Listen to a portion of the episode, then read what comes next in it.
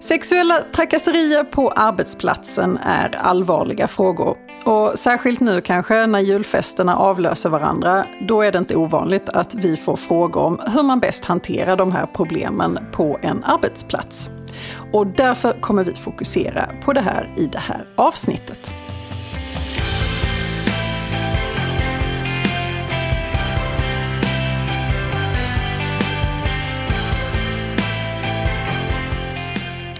Hej och välkommen till Arbetsrättspodden. Podden för dig som verkar inom HR eller hanterar personalfrågor i din vardag.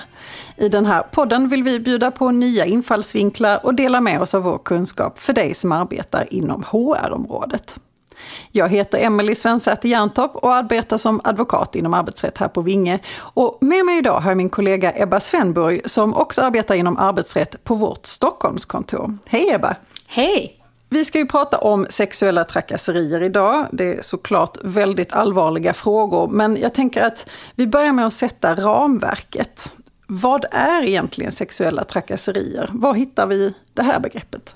Jo, sexuella trakasserier eh, det finns i diskrimineringslagen. Det är alltså diskrimineringslagen som är utgångspunkten för oh. sexuella trakasserier. Okej, okay. och vad menar vi då för någonting? Jo, men sexuella trakasserier är alltså en form av diskriminering. Så den legala definitionen i diskrimineringslagen är att det ska vara ett uppträdande av sexuell natur som kränker någons värdighet.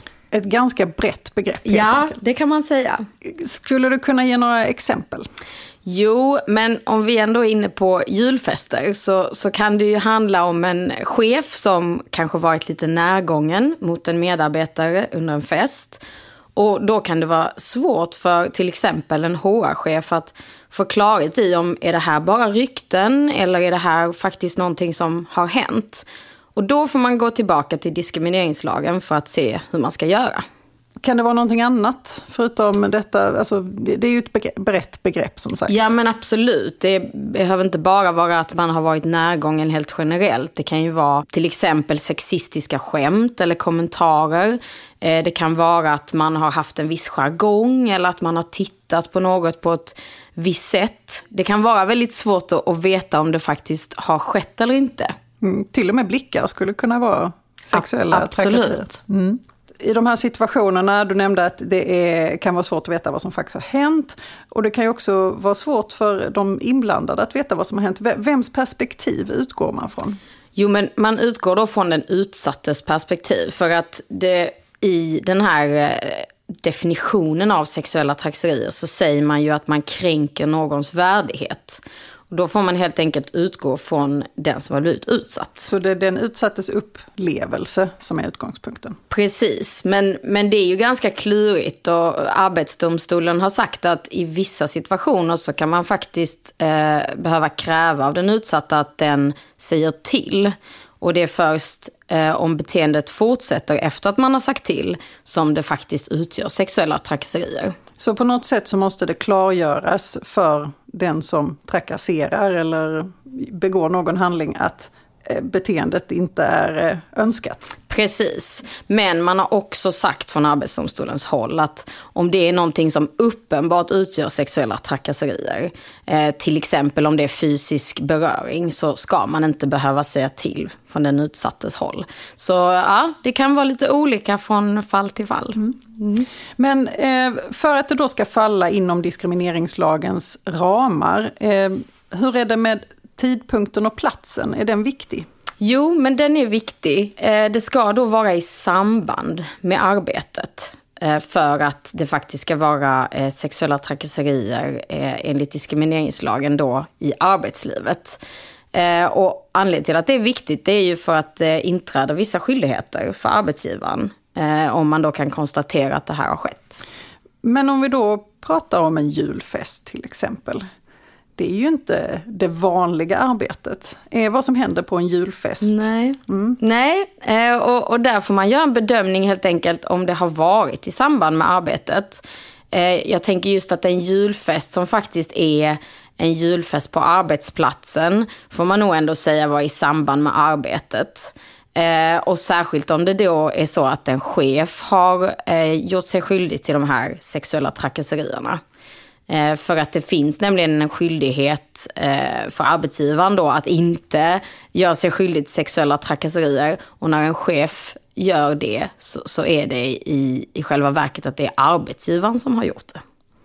Så detta är också någonting som man får bedöma lite fall till fall. Det är klart, mm. vissa saker är helt uppenbara och andra kan vara lite knivigare. Precis. Okej, okay. men om vi då konstaterat att det har skett någonting eh, och eh, det finns en ganska stor risk för att det är sexuella trakasserier. Vad har då arbetsgivaren för skyldigheter?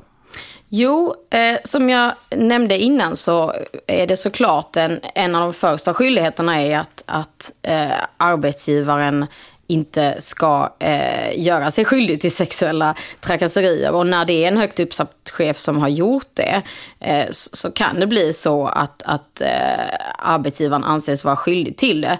Men, men det som framför allt blir aktuellt är att man ska utreda omständigheterna kring om det här har skett.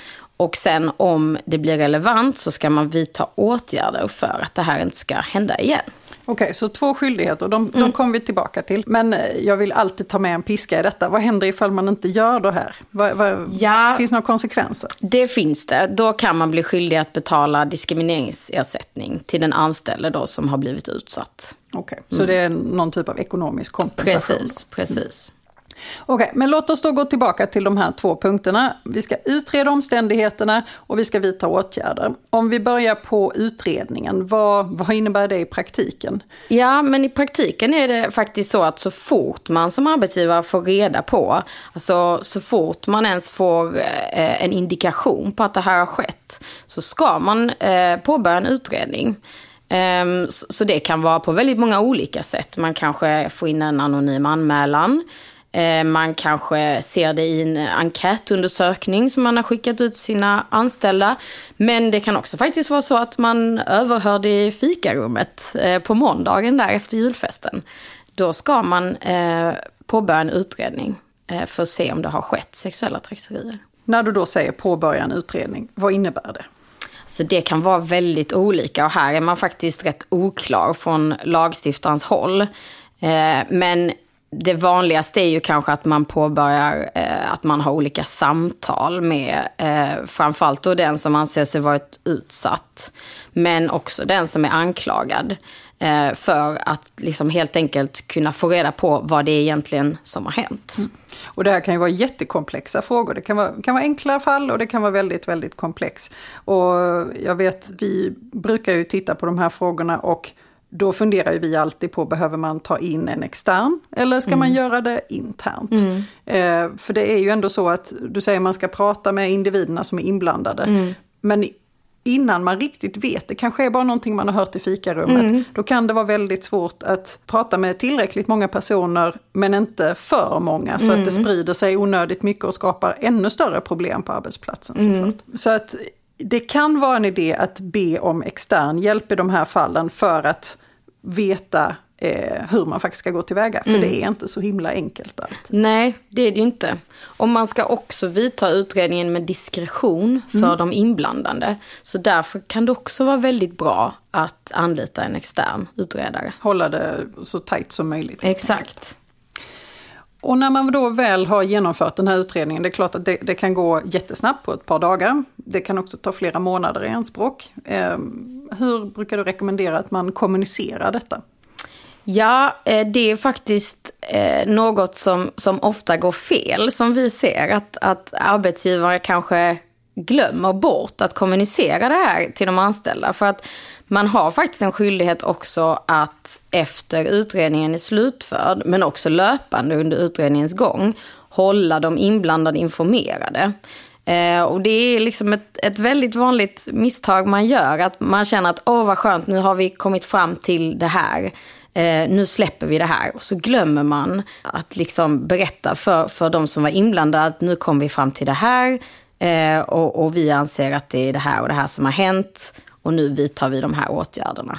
Så det är viktigt att arbetsgivaren är tydlig eh, när utredningen har slutförts och vad man kom fram till. Och i många fall så har man ju fackliga representanter involverade i detta. Det kan vara en idé att sätta sig på ett ganska tidigt stadium och bestämma hur mm. ska vi prata om detta löpande. Mm. Och sen så såklart hur ska vi kommunicera det i slutet. Exakt. För när utredningen är då väl genomförd, vi har kommit fram till ett resultat, vad gör man då? Jo, då inträder eh, det här åtgärdsansvaret. Om det är så att man kommer fram till att sexuella trakasserier har, har skett så är man helt enkelt skyldig att vidta åtgärder för att det inte ska hända igen. Eh, och det kan vara väldigt mycket olika eh, åtgärder som man kan vidta. Det beror ju lite på vad man har kommit fram till och hur allvarligt det var. Men eh, i värsta fall så kan det ju faktiskt handla om avsked. Eh, men oftast så, så kanske det blir ett tillrättavisande samtal. Det kan bli en varning Eh, eller en omplacering av eh, antingen den som har varit utsatt eller eh, den som, som faktiskt har gjort sig skyldig till de sexuella trakasserierna. Det beror lite på vad man tycker är lämpligt i, i den enskilda situationen. Och det är ju då såklart i förhållande till de inblandade, men det kan ju också finnas en, en poäng i att titta på hur Eh, det ser ut på arbetsplatsen i stort. För nu kanske det var en person som agerade på ett felaktigt sätt, men man vill ju såklart förhindra att andra personer gör det. Så jag skulle säga att det är nog en bra idé att även se över till exempel riktlinjer och sådant. Precis, så det här har ju faktiskt med arbetsmiljön i stort att göra. Så det är ju viktigt att bedriva ett systematiskt arbetsmiljöarbete och utvärdera och analysera och åtgärda och, och sen också följa upp för att se till att det här inte händer igen. Och det hoppas vi verkligen att det inte gör. Eh, det här var allt vad vi hann med idag. Tusen tack Ebba! Tack så jättemycket! Dagens gädda. För att få en arbetsplats fri från sexuella trakasserier är det viktigt att man bedriver ett systematiskt arbetsmiljöarbete och har god koll på den psykosociala arbetsmiljön. Se till att även vidta aktiva åtgärder enligt diskrimineringslagen.